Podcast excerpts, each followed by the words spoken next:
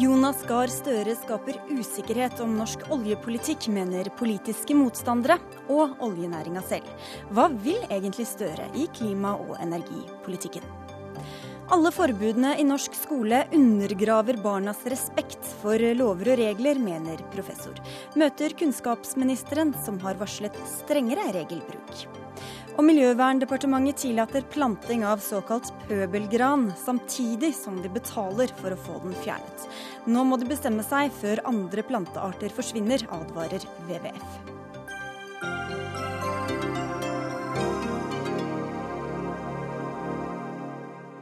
Og advarsler kommer også fra en svensk skoleforsker til norske politikere i denne utgaven av Dagsnytt 18 i NRK P2 og NRK2. Jeg heter Sigrid Solund. Jonas Gahr Støre vil ha ny klima- og energipolitikk, eller vil han egentlig det? Flere politiske utspill har gjort at politiske motstandere og organisasjoner mener Arbeiderpartiets nye leder sprer usikkerhet om hva partiet egentlig vil. Men nå kan du få oppklare, Jonas Gahr Støre, hvordan vil du endre eller dreie Arbeiderpartiets energi- og klimapolitikk? Det var et stort spørsmål, både energi og klima. Det jeg har sagt som leder av Arbeiderpartiet, er at eh, klima er vår store sak i vår samtid. Eh, vi står overfor ny kunnskap som viser hvor alvorlig klimatrusselen er. Og vi må gi vårt bidrag. Det gjør vi også i stor grad. Eh, jeg har sagt at klima ikke bare kan være en sak, det må være en ramme rundt politikk og økonomi, slik at det vi gjør, virker i positiv retning for klima, ikke negativ. Så er Norge en stor energiprodusent. Vi har gjennom 40 år i Arbeiderpartiet vært tilhengere av et høyt aktivitetsnivå. Vi finner gass, vi finner olje, nå noe mindre olje, fortsatt mye gass. Og vi har gjort det akkompagnert av strenge miljøkrav og etter hvert klimakrav, slik at vi får eh, blant verdens laveste utslipp fra den sektoren. Det gir oss en mulighet, og det gir oss et stort ansvar. Eh, og det jeg har vært opptatt av, er at det alvoret som nå klimaforskerne tegner, Eh, de sier at eh, det går for sakte med det overgangen til fornybare kilder, og for sakte med ny teknologi, slik at det å nå togradersmålet blir vanskelig og krevende. Det må vi ta inn over oss. Vi kan ikke være uberørt av de meldingene. Så hva betyr det da for, den klima, eller for energipolitikken? Nei, for Energipolitikken mener det betyr at Norges veldig viktige rolle er at vi leverer gass til Europa. Gass som kan erstatte kull. Vi må fortsette med det. Vi må ha et høyt aktivitetsnivå som er forutsigbart for næringslivet. Mange arbeidsplasser, viktig industri, viktig for velferden. Og så må vi fortsatt være fremoverlent med å utvikle krav til den industrien, slik at de reduserer utslippene, produserer med mindre utslipp. Eh, og det eh, skjer jo i en tid hvor store deler av energimarkedene er i endring. Det er en stor omstilling. Mange av våre kunder er jo i ferd med å lage kraft av fornybare kilder. Og vi må støtte vår industri og møte den omstillingen. Men hva mente du da egentlig da du på sommerleiren til AUF sa at kanskje to tredeler eller tre fjerdedeler av ressursene må bli liggende under sokkelen? Ja, men jeg sa altså ikke det. det og her føler jeg at mine politiske motstandere jeg, jeg liker denne debatten, men jeg liker ikke feilsitat. Det jeg sa, var at IEA og FN peker på at for å nå togradersmålet, ja. så må to tredjedeler av verdens ressurser bli liggende. Vi kan ikke være uberørt av det, sa jeg. Hva betyr det, da? Jo, men Så må vi diskutere vårt bidrag, og vårt bidrag tror jeg er som en hovedsak at vi er en stor gassnasjon. Jeg tror det er et dårlig virkemiddel å si at vi tar en brøk og bruker på norsk sokkel og si at dette skal vi la ligge. Norge er en liten produsent i den store sammenhengen. Steinalderen gikk ikke tom for stein fordi man vedtok det, men fordi nye materialer kom og overtok. Men Betyr det du sier da at Norge ikke skal la noe av våre ressurser ligge av klimahensyn, av der hvor det er lønnsomt eller mulig å hente det opp? Jeg mener at det riktige er at vi får, fortsetter utviklingen med at vi har en pris på CO2 som gjør at eh, de feltene hvor eh, det er for dyrt å hente ut uh, oljen og gassen pga. CO2-forekomstene, så velger selskapene ikke å gjøre det. Jeg er imot, og mener det ikke er riktig at vi sitter og politisk vedtar at et visst eh, andel, en viss brøk av sokkelen skal bli liggende. Men vi har jo alltid gått skrittvis fram. Jeg husker Da jeg var i tenårene, så var det jo ikke snakk om å gå nord for 60. breddegrad. Jeg har selv vært pådriver for, for, å forhandle en dellinje med Russland, som gjør at vi nå har åpnet eh, i de østlige delene av Barentshavet. Vi har gått skrittvis fram. Og vi har gradvis introdusert strengere miljøkrav som får utslippene ned og gir industrien et ansvar til å lede an i teknologiutviklingen. Men da høres det ut som du har en, eh, en tid eh, og en tålmodighet som klimaforskerne ikke har, da? men det er jo det jeg eh, gir uttrykk for. At vi, eh, altså jeg har ikke tenkt å være i politikken og si at den siste tanken er tenkt. All kunnskapen har vi om bord. Vi er nødt til å søke etter ny kunnskap. Vi er nødt til å la det gå inn på oss og, og ta det inn over oss at øh, forskerne, de kunnskapsmiljøene, understreker alvoret. Jeg tror det er et dårlig virkemiddel å ta en brøk og si at vi stenger ned deler av norsk sokkel, for jeg tror at norsk sokkel er deler av svaret. Jeg tror også at deler av industrien vår, som er teknologiledende, er en del av svaret langt utenfor Norge, om vi stimulerer dem til det. Det at vi innførte en CO2-avgift på sokkelen, det førte jo til at det kom ny teknologi, utslippene gikk ned, og ressursforvaltningen ble bedre, f.eks. Men for å repetere meg selv, så mener du altså at vi ikke, eh, at norske politikere i hvert fall ikke skal legge opp til at noe av eh, oljen og gassen blir liggende av klimahensyn? Det er resultatet av at vi har en CO2-avgift. At vi f.eks. ikke har åpnet en del felt uh, til nå. Men jeg mener det viktigste klimahensynet er at vi priser disse uh, klimautslippene på en slik måte at det blir satt inn uh, Gjennom internasjonale avtaler, eller i Norge? Helst gjennom internasjonale avtaler, men vår CO2-avgift er satt gjennom politisk vedtak i Stortinget. Men vil, vil, du føre en annen oljepolitikk enn det den dagens regjering legger opp til? Altså, Jeg har vært med i åtte år i regjering. Eh, jeg, den, eh, de feltene som i dag er åpent og det letes på, er på bakgrunn av meldinger fra regjering jeg har vært en del av. Eh, Arbeiderpartiet har gjennom de fire tiårene skrittvis utviklet vår olje- og gassektor. Jeg står fullt og helt på den linjen. Men eh, erkjennelser og innsikter slutter jo ikke etter fire tiår. Vi er nødt til å være i forkant og tenke nye virkemidler. Og vi har et klimaforlik hvor vi har satt grenser for hva Norge skal ha av utslipp. Der skal alle sektorer bidra, også denne sektoren. Og Derfor så er jeg litt sånn overrasket over at eh, det at vi, at vi, tar inn den internasjonale kunnskapen om klimautfordringen, får deler av eh, det politiske Norge til å hoppe opp og ned og si at man er ute etter å rasere uh, en sektor som vi har brukt så mye tid på å utvikle. Det er rett og slett feil, og ikke Arbeiderpartiets politikk, heller ikke under meg. Få høre med deg, olje- og energiminister Tord Lien fra Fremskrittspartiet. Noen av dine kolleger har beskyldt Støre for å bre, spre usikkerhet. Syns du det ble klarere nå? Ja, Nå er det jo ikke bare det du beskriver som noen av mine kolleger som har vært eh, bekymra for den uroen som har skapt. Det har internasjonale oljeselskaper.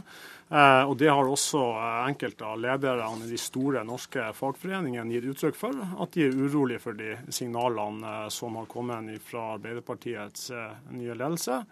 Jeg er jo glad for det jeg oppfatter nå som til en viss grad oppklaring i noen av den, noe av den usikkerheten som eh, har blitt skapt. Det har vært en stor suksess for norsk sokkel at det har vært bred politisk eh, enighet om eh, forutsigbare og langsiktige rammer for denne viktige næringa vår. Ja, for Det kom altså en rapport i dag utarbeidet av analyseselskapet IHS, som du indirekte refererer til.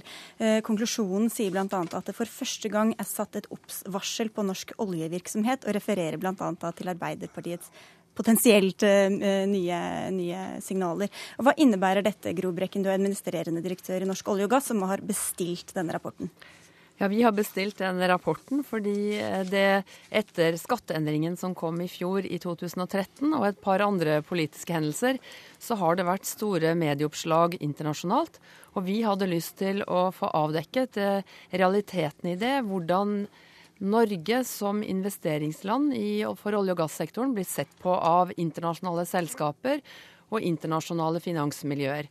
Og det er den vi har fått eh, levert. Den handler ikke om vår bekymring i norsk olje og gass, fordi vi sitter tettere på de politiske miljøene og forstår, har også tett, lettere for å forstå de politiske valg som tas her. Men hvilke bekymringsmeldinger er det som kommer gjennom den rapporten, da? Eh, det er noen bekymringsmeldinger som vi kjenner igjen, og noen som var litt overraskende. Det vi kjenner igjen, det var den over, eh, bekymringen over den overraskende skatteendringen som, som kom 4. mai i fjor, eh, uten noe forutgående varsel og uten noen prosess. Og også den eh, diskusjonen og den prosessen som var rundt eh, elektrifisering av Utsira, altså den saksbehandlingen som foregikk i, i Stortinget nå i, tidligere i vår. Eh, det som overraska oss litt, var jo at de også tok opp fordoblingen av CO2-avgiften, som har eh, virkning fra 1.1.2013. Det var ikke noe som vi har reagert på, for vi så det i sammenheng med kvotehandel og endringer i Europa. Mm. Eh, og det andre, det siste, var dette som dere nå har diskutert. Det er hva mener nå egentlig Arbeiderpartiets nye, nye leder? Og det tror vi handler om at vi er kanskje ikke så viktige i verden som vi tror her i Norge, men Selv om vi bare produserer 2% av verdens uh, olje, så, så, er vi en, en stor, viktig aktør i energipolitikk. Og jeg tror at veldig mange mye. Mm. Vi eksporterer mye, og av, av, det så eksporterer vi veldig mye. Og Det betyr at uh, man er interessert i å vite hva Eh, ny leder i Arbeiderpartiet mener, etter så mange år med Jens Stoltenberg ved, ro, ved roret. Må, du skal få slippe til, Torlien. Vi får høre med deg Støre, først hvordan du ser på at du har bidratt til uro i dette internasjonale Ja, Jeg vet ikke hva jeg skal føle meg beæret eller urolig av det. Jeg Så Dagens Næringsliv skrev at jeg var nå en trussel for denne industrien. Og da tenkte jeg med et smil at hvis jeg er den største trussel, så kan de sove ganske rolig om natten. Eh, jeg har ikke tenkt, eh, altså jeg forstår jo at en industri og dens organisasjoner ønsker egentlig å fryse situasjonen som det er nå. Vi er imot nye tiltak. Vi er imot at f.eks. CO2-avgiften øker.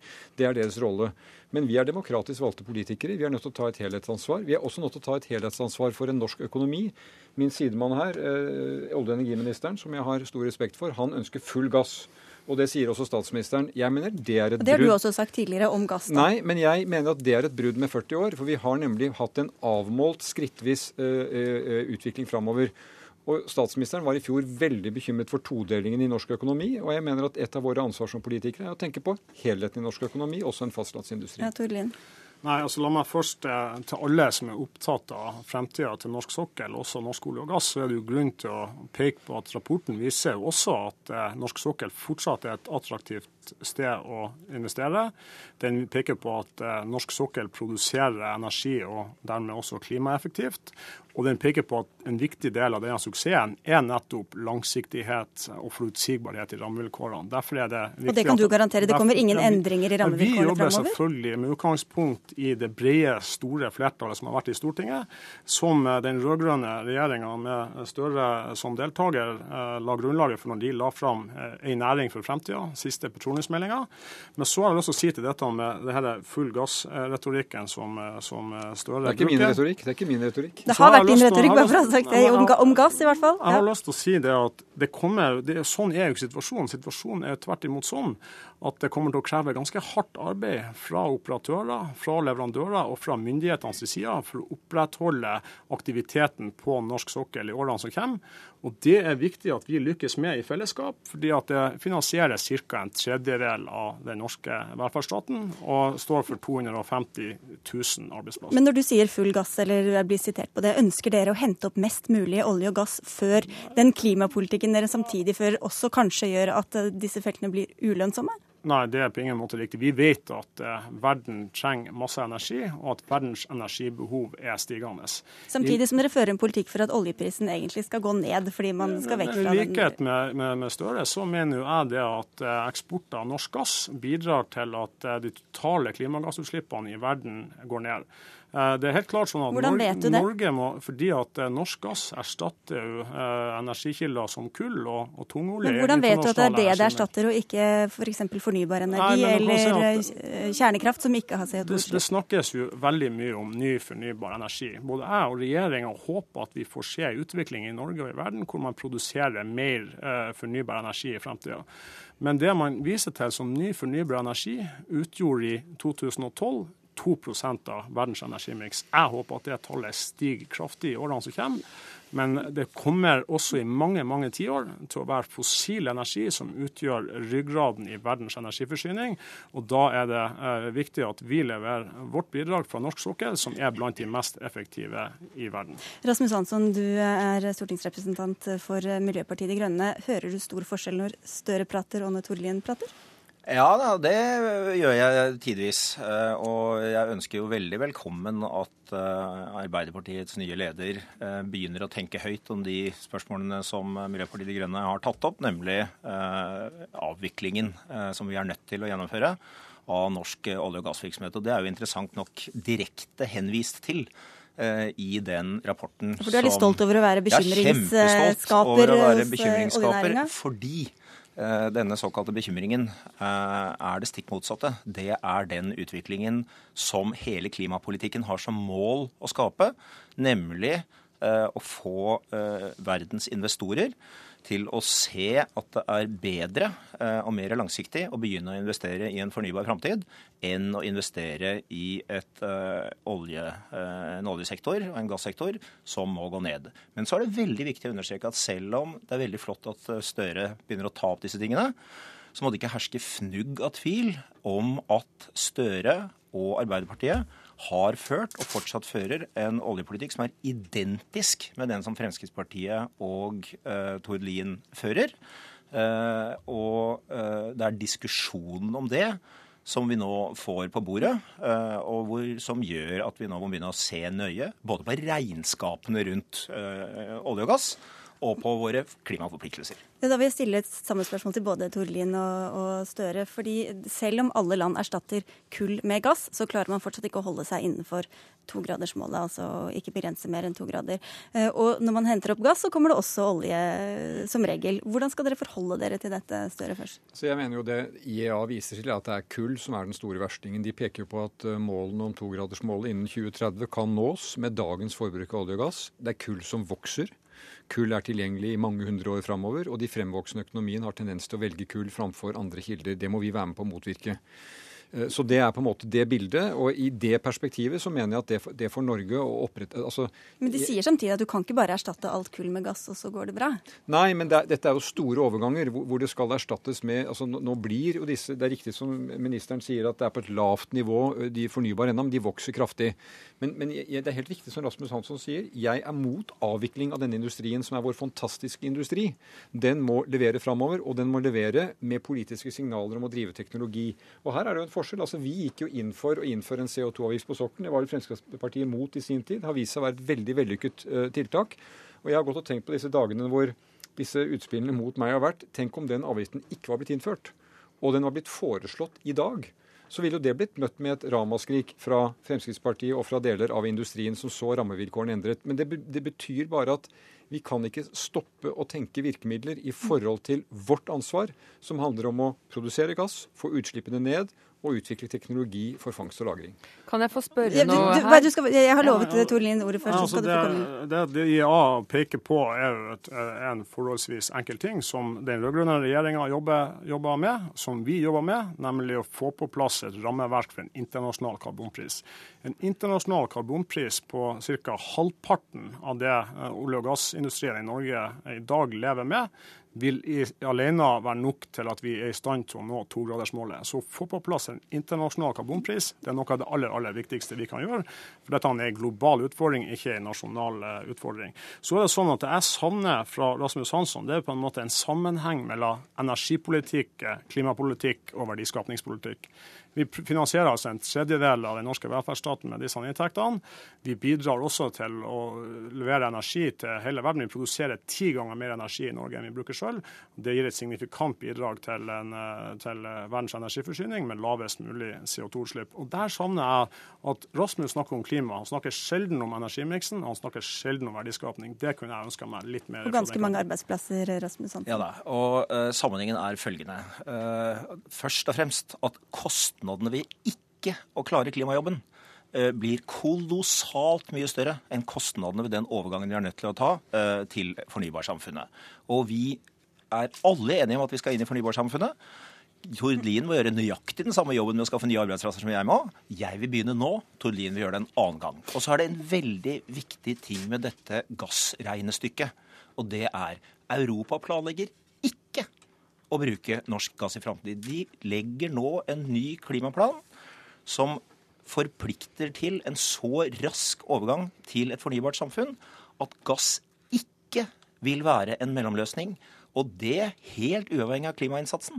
Så må Jonas Gahr Støre og Tord Lien tenke nøye over svære investeringer langt i nord og i sårbare områder overfor en kunde som ikke vil ha gass.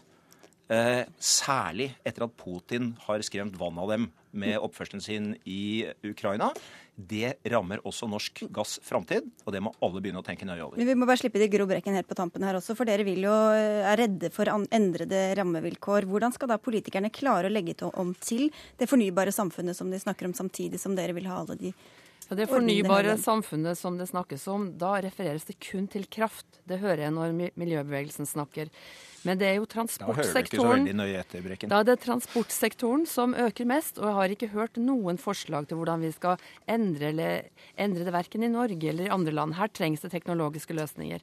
Og i tillegg til det at kull må ligge i bakken, så peker IEA og FN på at det er stort potensial i energieffektivisering, her kan vi gjøre mye, og i karbonfangst og -lagring. Og det er helt enig i, og det er helt riktig, at den eh, strenge Vi har verdens strengeste og dyreste eh, karbonskatt og avgifter, og den, den politikken har virket. Eh, nå har vi altså spart, eh, spart eh, verden for utslipp på 130 millioner tonn så langt, og nå er det én million igjen fra olje- og gassektoren som vi skal klare å spare innen 2020. Nå det, det skal vi, vi få til. Men jeg har ett spørsmål. Nei, et dette rekker ikke et spørsmål. Beklager, Grobrekken. Det er to som nikker til det her, og en som rister litt på hodet. For vi må slutte der vi startet, Støre. Det var mange som applauderte deg fra AUF og andre deler av Arbeiderpartiet da du kom med disse nye signalene, hvis det var det det var, som det nå virker som du kanskje prøver å avdramatisere. Hvordan tror du det blir mottatt der? Også unge og eldre Arbeiderpartiet tar denne debatten veldig, veldig uh, greit. Altså, vi, vi, sier at vi er stolt av de fire tiårene vi har vært med på å prege den politikken. Det har vært en politikk som ikke har handlet om å stå stille, utvikle nye virkemidler. Og så sier jeg veldig ærlig, vi kommer til å trenge nye grep. Nye Men du vet tak. ikke hva de er ennå? Eh, eh, noe av det vet jeg ikke. Noe av det vet vi som virker vi bør gjøre eh, mer av. Og jeg er åpen og ærlig nok til å si at et parti som mitt skal være aktivt pådriver for å være med å finne de løsningene gjøre det som virker, og søke etter nye virkemidler som virker både i Norge og internasjonalt. Og inntil videre er du nokså enig med Tord Lien? Nei, men det er det riktig som Tord Lien sier. Han peker på en stortingsmelding som jeg har vært med å legge fram.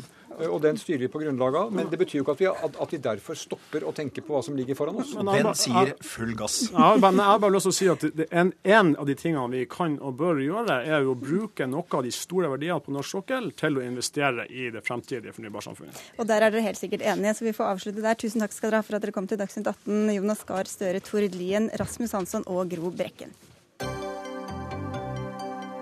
Dagsnytt 18 alle hverdager kl 18.00 på NRK P2 og NRK2.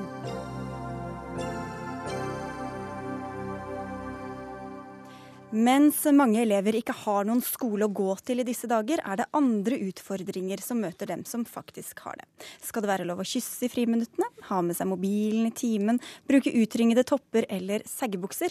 Alt dette finnes det regler for på en del skoler i dag. Men på NRK Ytring kan vi lese at alle disse forbudene krenker barns rettigheter. Og det er du som har skrevet dette, Hans Fredrik Martinussen. Du er professor i rettsvitenskap ved Universitetet i Bergen. Hvordan krenker disse reglene og forbudene barna? Nei, det, grunnleggende er at eh, vi i norsk rett har krav til lovhjemmel for at det offentlige skal kunne gripe inn og styre vår hverdag. Eh, det er en veldig grunnleggende god regel som skal sikre oss mot unødvendige og vilkårlige inngrep. Der står det ingenting om klining i friminuttene? Nei, nå er, nå er det en eh, ganske rund hjemmel som eh, skal regulere elevenes atferd, men det er et ordensreglement, og de fleste er vel enige om at det først og fremst dreier seg om undervisningsro og sikkerhet, trygghet på skolen.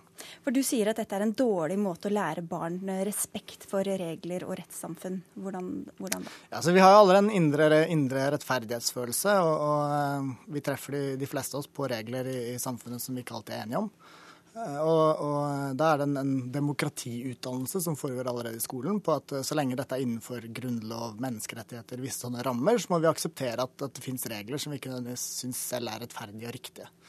Eh, og hvis man da eh, i skolesammenheng opplever urettferdige, eh, ubegrunnede regler, og i tillegg da oppdager at de faktisk er ulovlige, så tenker jeg at med unge barn og ungdom så vil det gjøre noe med deres forståelse og respekt for, for det, rammene for, for, de reglene som utvikles i demokratiet. Kunnskapsminister Torbjørn Røe Isaksen, i VG forrige uke så oppfordret du lærerne til å bruke flere av de sanksjonene som de har mulighet til i skolen. Deler du disse bekymringene? Jeg har jo lenge vært opptatt av sånn rettsstatsproblematikk, så jeg syns jo i og for seg diskusjonen er interessant. Men jeg syns jo kanskje at du tar det litt vel langt, da. Når du sier f.eks. i kronikken din at det er ingen grunn eller hjemmel for å forby noe som helst hodeplagg inne i et klasserom, f.eks. Jeg syns det er sunn fornuft, og det er også uh, tillatt å si at man ikke kan ha på seg caps inne. Det er normal norsk folkeskikk. Det er også hjemmel for f.eks. å si at eh, elevene, hvis de driver og fikler med telefonen eller ikke følger med timen, så kan læreren da inndra telefonen og dele den ut på slutten av timen. Det mener jeg kan være fornuftig. Noen skoler har også praktisert at man f.eks. legger mobilen i en mobilhylle på starten av dagen, og så henter man den på slutten av dagen. Det er det også hjemmel for, og det er lov, og det mener jeg er fornuftig at skolene bruker hvis de vil det. Men bare for å oppklare, bør det ikke være lov å være, ha regler som måte, går utenfor det som står i, i loven, Martinussen? Nei, der tenker jeg at hvis vi ser på den listen jeg har laget, da, hvor, hvor en del av reglene rett og slett gjør hverdagen til norske elever mindre hyggelig uten veldig god grunn, så tenker jeg at det er kanskje grunn til å sette en litt eh, stram ramme for hva skolene kan vedta som ikke har med ro og sikkerhet å gjøre. Altså, du skal gå ni eller kanskje tolv år normalt tolv år, i en skole hvor du har minimal innflytelse på, på, hvem du går i klasse med, hvilket miljø du er i, hvilke mennesker du omgås. Vi andre velger vår jobb, kan bytte jobb hvis vi mistrives. Eh, jeg tenker at man skal være litt forsiktig med å gripe for langt inn i, i hva som skjer i, i, friminutter, hvordan man kobler av, hører på musikk etter en dobbelttime med matematikk. Jeg tror egentlig ikke at kunnskapsministeren er uenig der, men, men... Nei, men hva, er ikke, hva, er det skolene ikke burde ha mulighet til å, til å tvinge elevene til å gjøre eller ikke gjøre det? Nei, altså For å ta den enkle. Jeg syns jo at eh, f.eks. Lars Saabye Christensens Herman skulle fått lov til å ha på seg caps inne hvis han ønsket det. Uh, noen har religiøse begrunnelser for å ha på seg hodeplagg. Hijab, da blir det også mer komplisert. Uh, jeg tenker er det egentlig nødvendig, selv om vi mener det er normal norsk folkeskikk eh, å ta av seg lua inne og, og, tvinge elever som ikke vil det. Jeg, jeg, gikk på skole med en som mistet håret allerede på Som Herman, da, for dem som ikke husker det? Av, av typen Herman. Eh, han hadde utallige ordensanmerkninger for å ikke ta av seg hodeplagget inne. Eh, og greit nok, sånt burde løses uavhengig av regler. Mm. Er det men, dette du vil, Torbjørn Isaksen? jeg tenkte på, jeg, jeg synes det er, det er selvfølgelig sånn at vi skal ha noen juridiske klarlagte rammer for hva du kan gjøre og ikke kan gjøre i skolen. Eh, eksempelet med hijab eh, er jo et eksempel. Det er da eh, lov for en skole å si at du ikke kan ha caps på deg, men det er ikke lov å si at du ikke kan ha hijab på seg. Sannsynligvis vil det, man bli dømt for det eh, i henhold til våre internasjonale forpliktelser. Men så tror jeg det er veldig smart at det er professorer i juss som lager de juridiske rammene, og at lærerne og skolen får lov til å bruke sunn fornuft innenfor det. Altså, vi kan ikke men hvis det bryter med, med loven, da? Jo, men Vi kan ikke finstyre og findetaljere alt. For eksempel så må vi forutsette at norske lærere, som er fornuftige, eh, oppvakte mennesker, forstår forskjellen på en som mister håret pga. kreft, og en som bare har på seg caps eh, fordi han har lyst til det. Eh, og Litt av poenget med det vi gjør nå, er jo å tydeliggjøre også at her er det skolen og lærerne som har et rom. Så er det grenser for det rommet. Det er ikke sånn at man kan eh, lage en slags sånn eneveldig diktaturstat i skolen og forby helt vilkårlig eller straffe elevene vilkårlig. Mm. Men det er noen ting som er lov for å holde orden. F.eks. da å inndra mobiltelefoner hvis man misbruker dem. Det er et eksempel. Ja, for... Så er det noen ting jeg mener skolene gjør som vi holder på å se på om egentlig er nødvendig. F.eks. om man skal styre om elever kan sykle eller ikke til skolen. Det holder vi på å se på. Men, men, for å ta dette med PC, PC, og unndragelse av det og, og mobiltelefoner. Ja, nå skal ikke jeg dra veldig lange juridiske resonnementer, og jeg har skjønt at, at, at, kunnskapsministeren er uenig med på det punktet, men, men uh, vi har en regel om at, at vi skal regulere atferd. Og det å ta fra noen gjenstander de, de selv eier og besitter, det krever nok en klarere hjemmel enn det vi har i dag. og, og jeg tenker særlig elever som da, da, ser at eh, Oslo kommune i fjor Så det, um, så det Røe Isaksen legger opp til, er rett og slett rettsstridig? Ja, jeg mener f.eks. ut fra råd fra Utdanningsdirektoratet i fjor, så sa Oslo kommune at dette skal ikke lærerne gjøre. Eh, og, og når elevene da i tillegg leser det på nettet og ser at kunnskapsministeren oppfordrer til å gjøre det, og de opplever at dette er liksom i et, et rettslig usikker stilling, da syns jeg at man burde gå inn gå gjennom ordensregelbestemmelsene og, og, og, få høringsrunder og se om, om uh, ikke vi kan lage en klarere hjemmel. Uh, for det, det, er en veldig uheldig praksis. i dag. Bare så, bare så alle har det helt klart for seg. altså dette er jo ikke jeg er jo da så heldig som statsråd at jeg har et departement, også et direktorat, Utdanningsdirektorat. Eller jeg har ikke det, men regjeringa har det. Heldiggris, ditt eget ja. Jo, men det betyr, jo at, det betyr at når jeg sier i VG at det f.eks. er lov for læreren å ta inn en telefon for en elev som sitter og fikler med den i timen, så er det som mener vi i departementet, og departementet mener at det er lov, og Utdanningsdirektoratet mener at det er lov.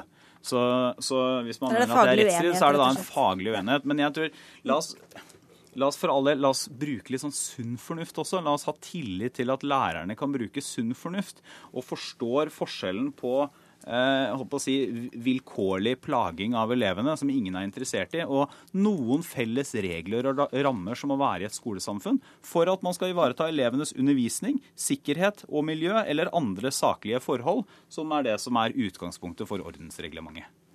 Ja, ok, veldig kort. Ja, jeg mener at de fleste av de forbudene jeg har påvist der, ikke faller innenfor det han nå nettopp sa, og at skolen har vist at de er litt dårlig i stand til å håndtere det på en god måte.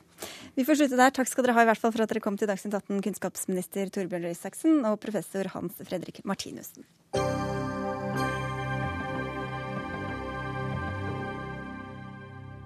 I ettermiddag har FBI bekreftet at det er den amerikanske journalisten James Foley som blir halshugget i en video som terrororganisasjonen IS har publisert på nettet. Foley jobbet for den USA-baserte nettavisen Global Post da han forsvant i Syria. Videoen ble lagt ut i går, og korrespondent Tove Bjørgaas, hva er reaksjonen i amerikanske medier i dag? De er selvfølgelig veldig sterke i hele USA, spesielt etter at den bekreftelsen eh, kom. Eh, det hvite hus har sendt sine kondolanser til familien. Eh, og, og det, er, det, er, fryktelige reaksjoner her. Og, og, men som sagt, etter at dette ble bekreftet. Mm. Hva sier amerikanske myndigheter og politikere til det her? Republikanerne eh, gjør det de ofte har gjort. De snakker om hvor uansvarlig det var. Eh, altså At USA må gjøre mer i Irak, at de må eh, gjøre mer for å bekjempe ISIS. At dette er helt uakseptabelt. At Obama ikke har gjort nok. At han har vært for forsiktig i utenrikspolitikken. Eh, og som sagt, fra Det hvite hus side så, så, så, snakker man jo bare nå om, om, hvordan man skal forsøke å bekjempe be, be ISIS. Og at dette, dette, er viktig. Eh, når det er en amerikaner som blir drept, så, så er det fokus på det. Og det er jo det også operasjonene i Irak har hatt for amerikanerne amerikanske liv skal ikke gå tapt.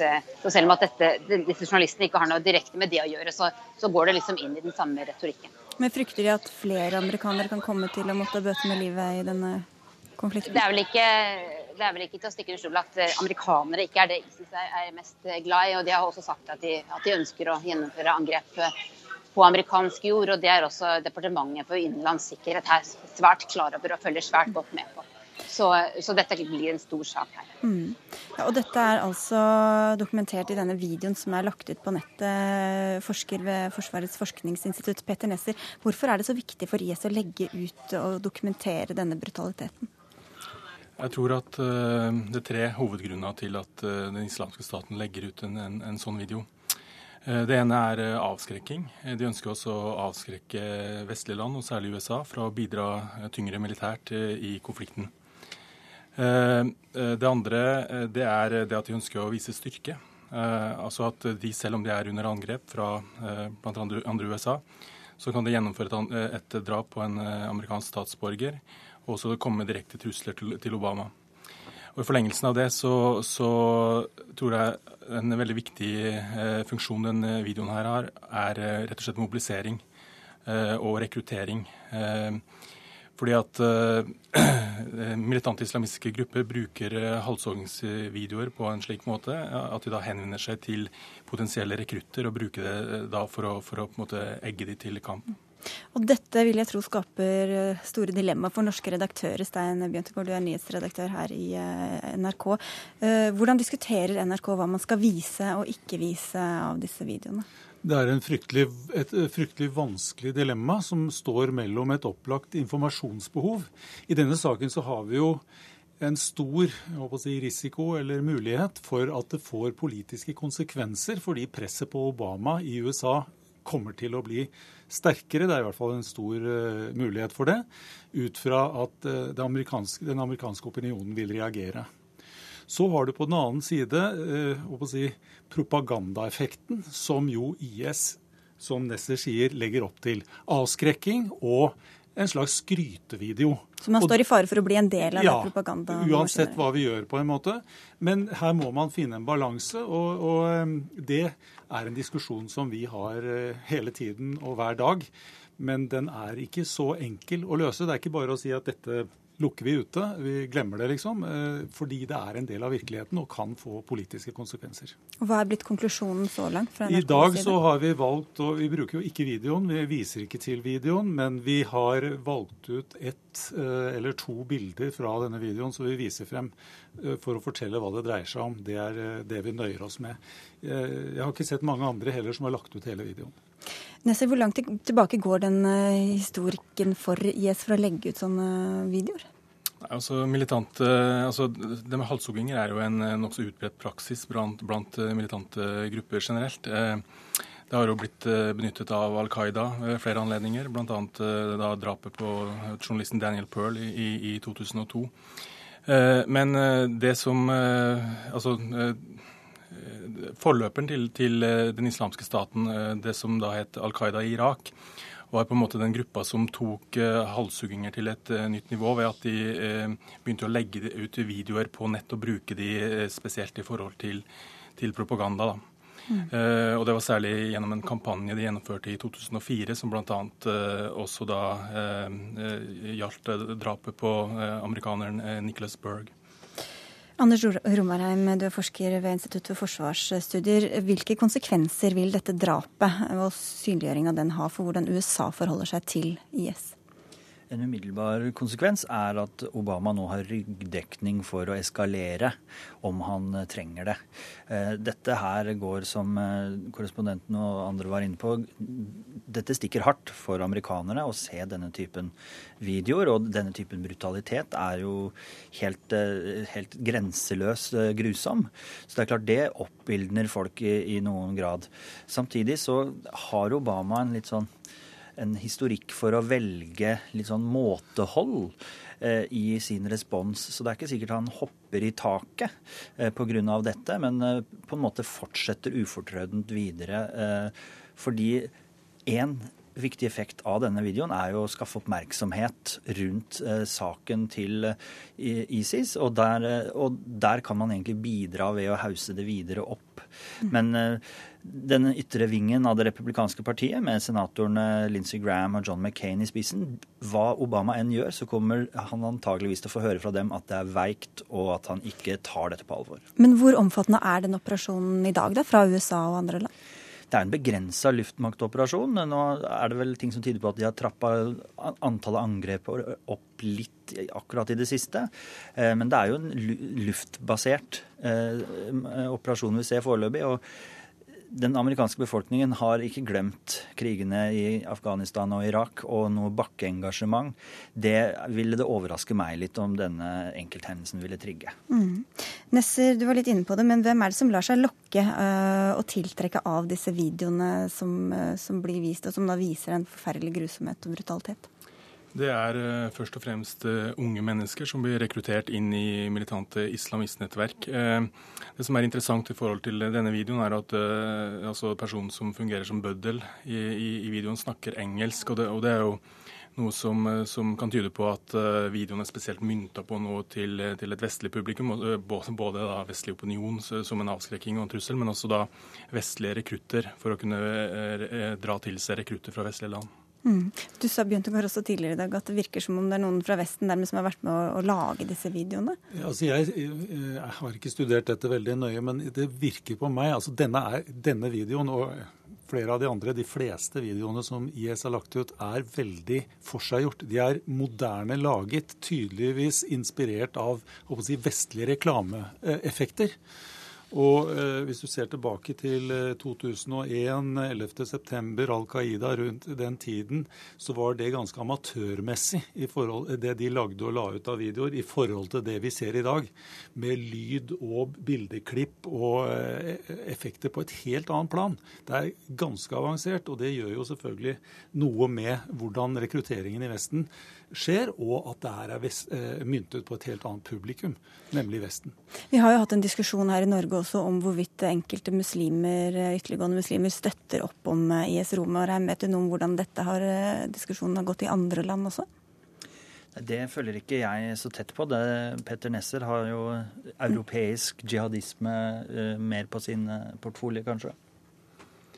Ja, Det er klart at eh, det finnes jo en rekke miljøer og, og nettverk eh, rundt omkring i, i, Europa. Særlig da eh, dette miljøet som er basert i, i, London, som er noe av det tyngste og mest ekstreme eh, av, av jihadistmiljøene i, i, Europa. da.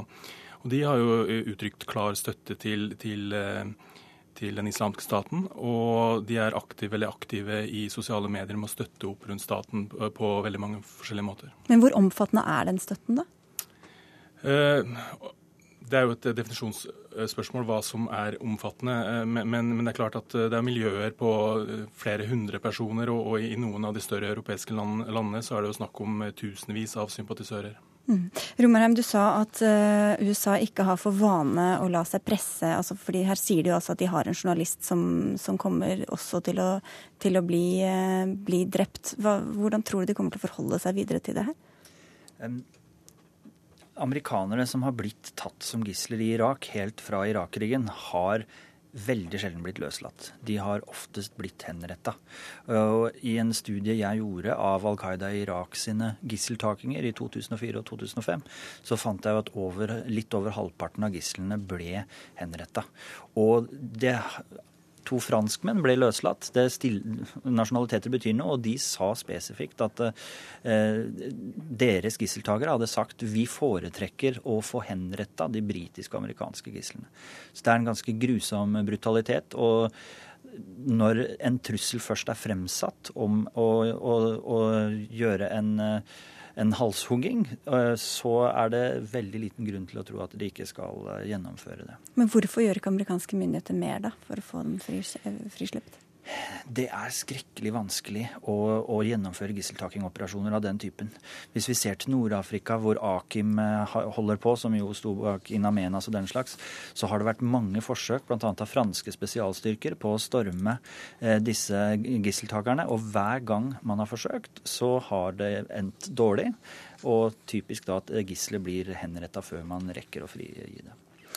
Tusen takk skal du ha, Anders Romerheim, for at du kom til Dagsnytt 18. Og tusen takk også til deg, Peter Nesser, og til Stein Bjøntegård og Tove Bjørgaas.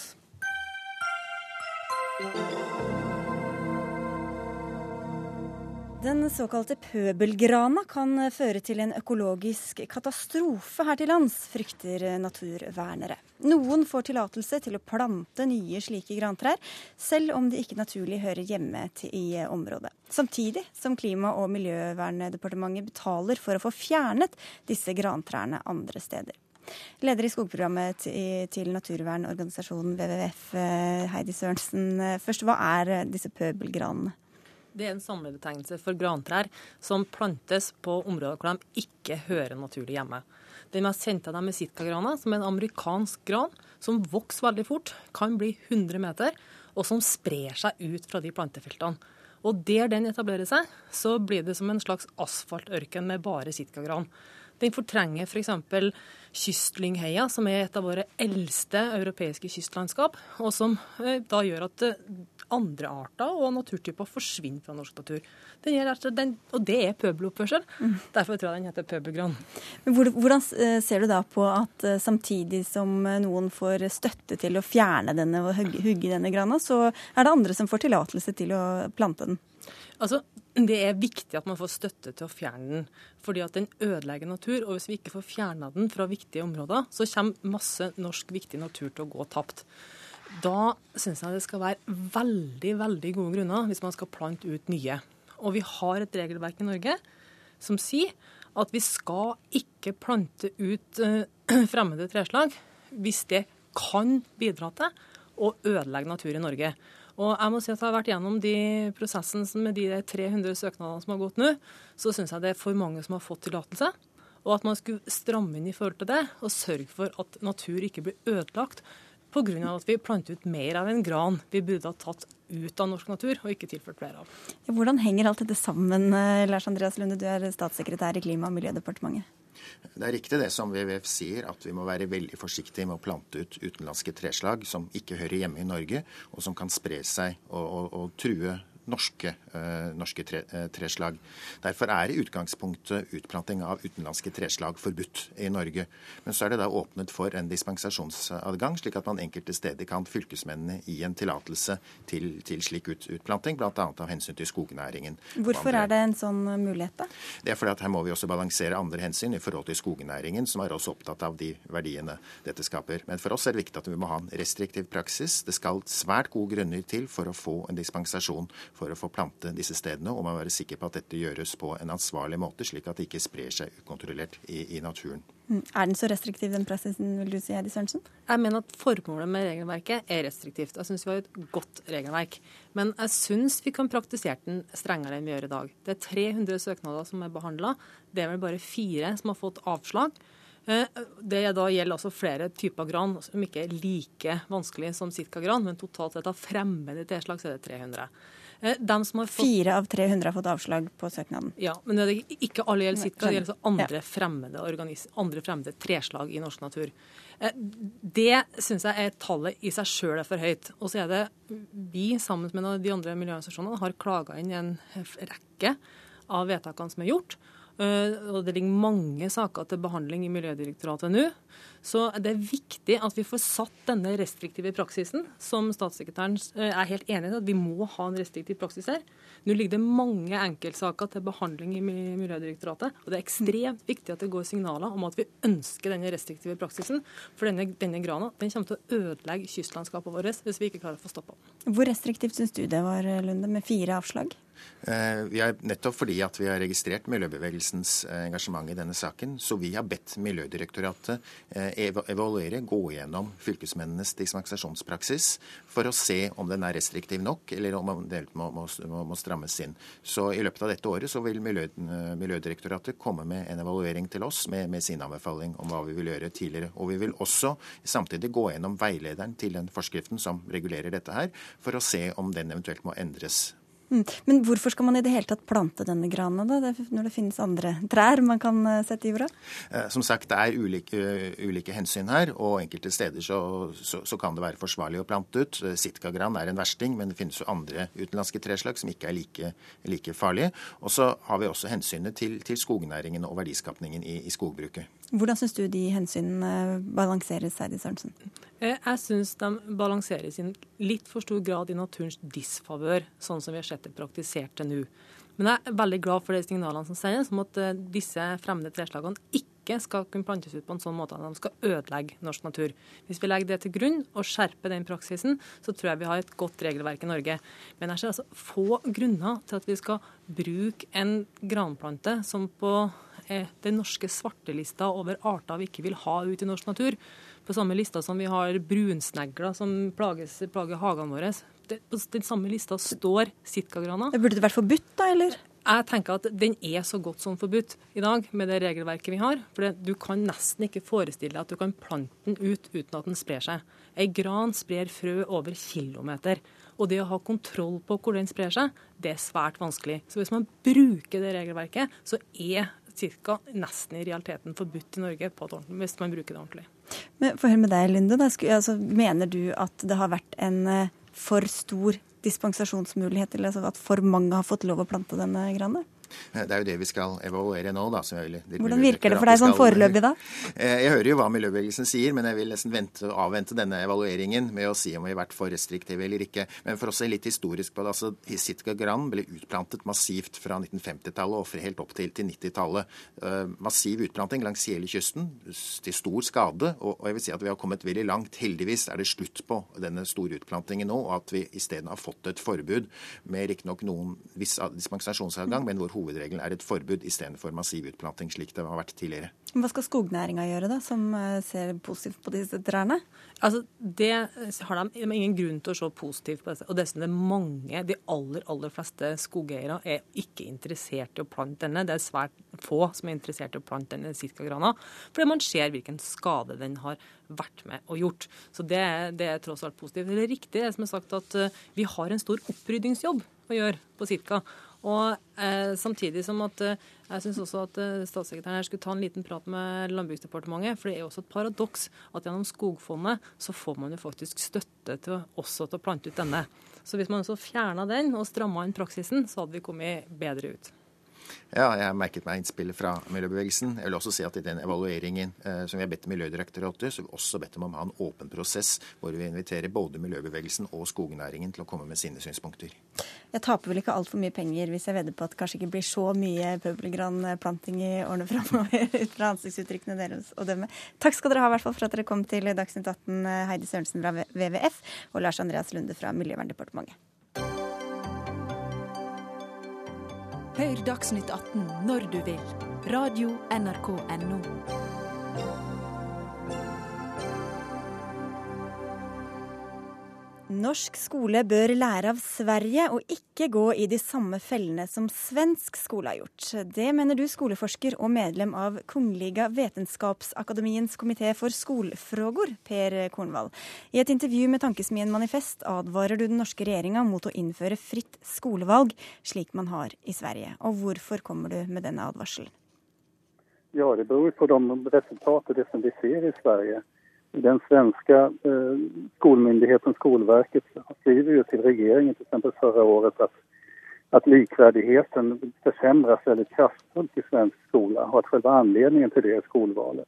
Och man kan ju också se i de skrifter som OECD, eller eh, rapporter som OECD tar fram att en väldigt vanlig effekt av, av eh, skolval är ju segregering, det vill säga att barn med bättre förutsättningar samlas ihop på vissa skolor och då, då då skapar det sämre förutsättningar för vissa skolor och så vidare. Så att jag, blir väldigt, jag blir lite oroad. Jag har lite kontakter med Norge. Jag ser att man, man ofta går samma, lite, lite samma vägar som Sverige har gjort och som vi har upptäckt varit ett oerhört problem.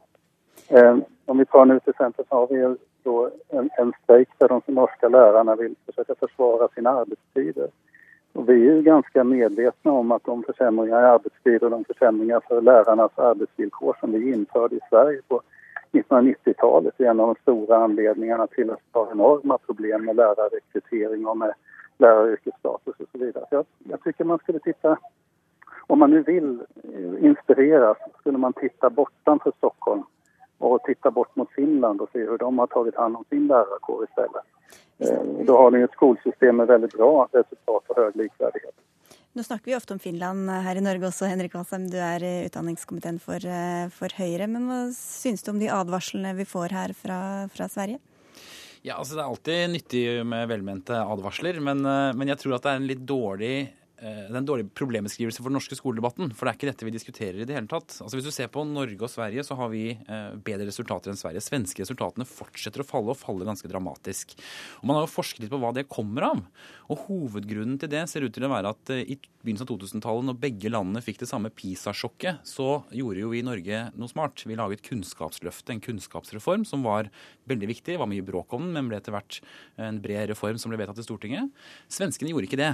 De fikk en borgerlig regjering i 2006 som nå diskuterer om man skal gjennomføre veldig mange av de tingene som vi ser i Norge. Men sannheten er at den svenske regjeringen ser til Norge, men den norske regjeringen ser ikke nødvendigvis til Sveriges skolepolitikk. Men her blir du altså advart mot å innføre fritt skolevalg, eh, som de har hatt i Sverige, som har ført til større ulikheter der borte.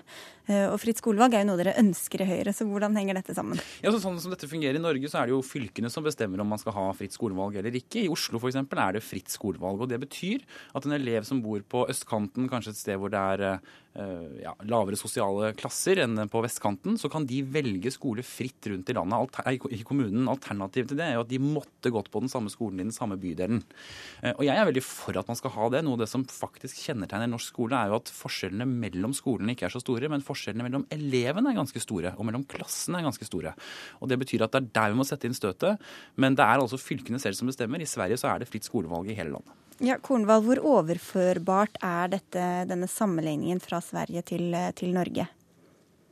Eh, jeg kan ikke svare på, på detaljer. Jeg bare vet at når man prater om fritt skolevalg i Oslo, så kommer dere troligvis å se at dere får en økt segregering. At dere kommer å se at, at barn med større ressurser kommer å samles ihop. Og det er ikke bare en svensk erfarenhet utan det er en internasjonal erfarenhet. Hva jeg mener er at om man skal velge den typen av reformer så må man titte på de effekterna de blir i olika system och också vara beredd på att göra de alltså, åtgärder som behövs för att eh, bemöta eh, den typen av, av förflyttning av elever som oftast uppstår i skolvalssystem. Hvordan har det slått ut i Sverige, da, den, den, denne ulikheten? Ja, det, det Til eksempel så er det så at, at det finnes et eh, de skoler der, der mer, den andelen av svenska skoler der mer enn 20 procent av barnen ikke får betyg nog att komma in på videregående skola. Den andelen skolor i Sverige har ökat från omkring 4 till 5 procent till att vara nu uppe över 16, uppe i 17-18 procent. Det vill säga att snart har vi en femtedel av våra skolor där mer än en femtedel misslyckas totalt. Och det här beror på en sortering av elever där, där så att säga, de resursstarka föräldrarna har valt bort vissa skolor som de inte tycker om. Och kvar på de skolorna blir barn som dessutom på grund av det svenska skolpengssystemet eh, får minskade resurser och. Det här är ett väldigt, väldigt allvarligt problem i svensk skola. Och jag tycker bara att, att blir lite orolig. Jag tycker att ni ska vara, va- värna, eh, vara väldigt försiktiga. Man ska överhuvudtaget vara väldigt med skolsystem eftersom de är, har en enormt stor betydelse för barns och ungas eh, framtid. Det vi ser i Sverige idag dag att vi får en stor andel, en växt, snabbt växande andel av barn som tidigt slås ut i skolsystemet. Mm. Men, Henrik Asheim, vi, ja, men, vi vil høre med han eh, høyremannen i studio her også. Eh, fordi Du sier at det er eh, et annet system. I Norge er det fylkene, kommunene som bestemmer. Men hvilken rolle spiller det hvem som har bestemt det? Så Hvis utslagene kan bli noe tilsvarende sånn som det er i Sverige? Ja, fordi Svenskene har et annet system også, og det er at 100% av pengene som det koster å ha en elev, følger den eleven. Mens vi i Norge har en, det som man kaller for rammefinansiering av skolen. Men det betyr at kommunene selv bestemmer dette. Og jeg mener at altså, det, er, det er veldig bra og interessant å høre om hva som ikke fungerer i den svenske skolen, men det er ikke spesielt god advarsel for den norske skolen. For det er ikke dette vi diskuterer i Norge. Det er ingen som har foreslått å innføre det svenske skolesystemet. Det vi diskuterer i Norge, er det som vi vet gjennom forskning er det viktigste, nemlig å ha gode lærere i klasserommet f.eks. Derfor bruker vi tiden og ressursene på det, istedenfor på en del av de tingene som eh, man har gjort på uh, i den svenske skolen. Så er det verdt å huske på at veldig mye av det som eh, beskrives som problemet, f.eks. at man kommunaliserte skolen i Sverige, var jo noe som Gøran Persson og sosialdemokraten gjorde på begynnelsen av 90-tallet, sammen med det svenske SV, mens de borgerlige partiene stemte imot. Sånn at mye av det som han kritiserer, er jo egentlig rød-grønn svensk skolepolitikk som henger igjen. Eh, Og så er det sånn at vi i Norge har ikke tenkt å kopiere den rød-grønne svenske skolepolitikken. Vi har tenkt å føre god borgerlig Ja, skolepolitikk. nå er det jo ingen rød-grønne mennesker her i studio, da. Ja, kom igjen, eh, Kornvall. Nej, alltså det, här, det här är inte en rödgrön fråga.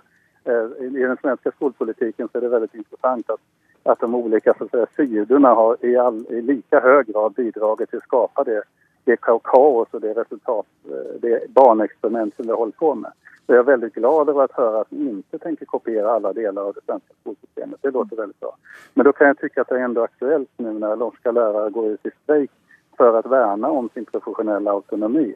Jag tycker det är viktigt att ni lyssnar på dem och ser till att bevara era lärare och era lärares autonomi, era, era, era lärares självständighet och självtillit och att de kan känna sig starka och duktiga som lärare. I Sverige så är det så nu att på grund av att vi har infört samma typ av arbetstidsförändringar som den norska KS nu vill göra så har vi ett läraryrke där, där, där vi nu är, vi är sist i de här stora undersökningarna när vi frågar lärarna hur de upplever sin status i samhället eller det är de, de svenska lärare i de, bland alla länder som är undersökta som helst och som mest ångrar sitt yrkesval och så vidare. Och det där beror både på lönefrågor men också på deras arbetsförhållanden. Og det er du vel enig i? Ja, Henrik Asheim, det er du vel enig i, og det står vel også i deres program. Det er bare at dere får ikke gjort så veldig mye med det, i hvert fall ikke akkurat nå. Nei, akkurat den arbeidstidsforhandlingen foregår nå mellom kommunene og lærerne, og det er jo noe som ser ut til kanskje kunne løses nå, da får vi se.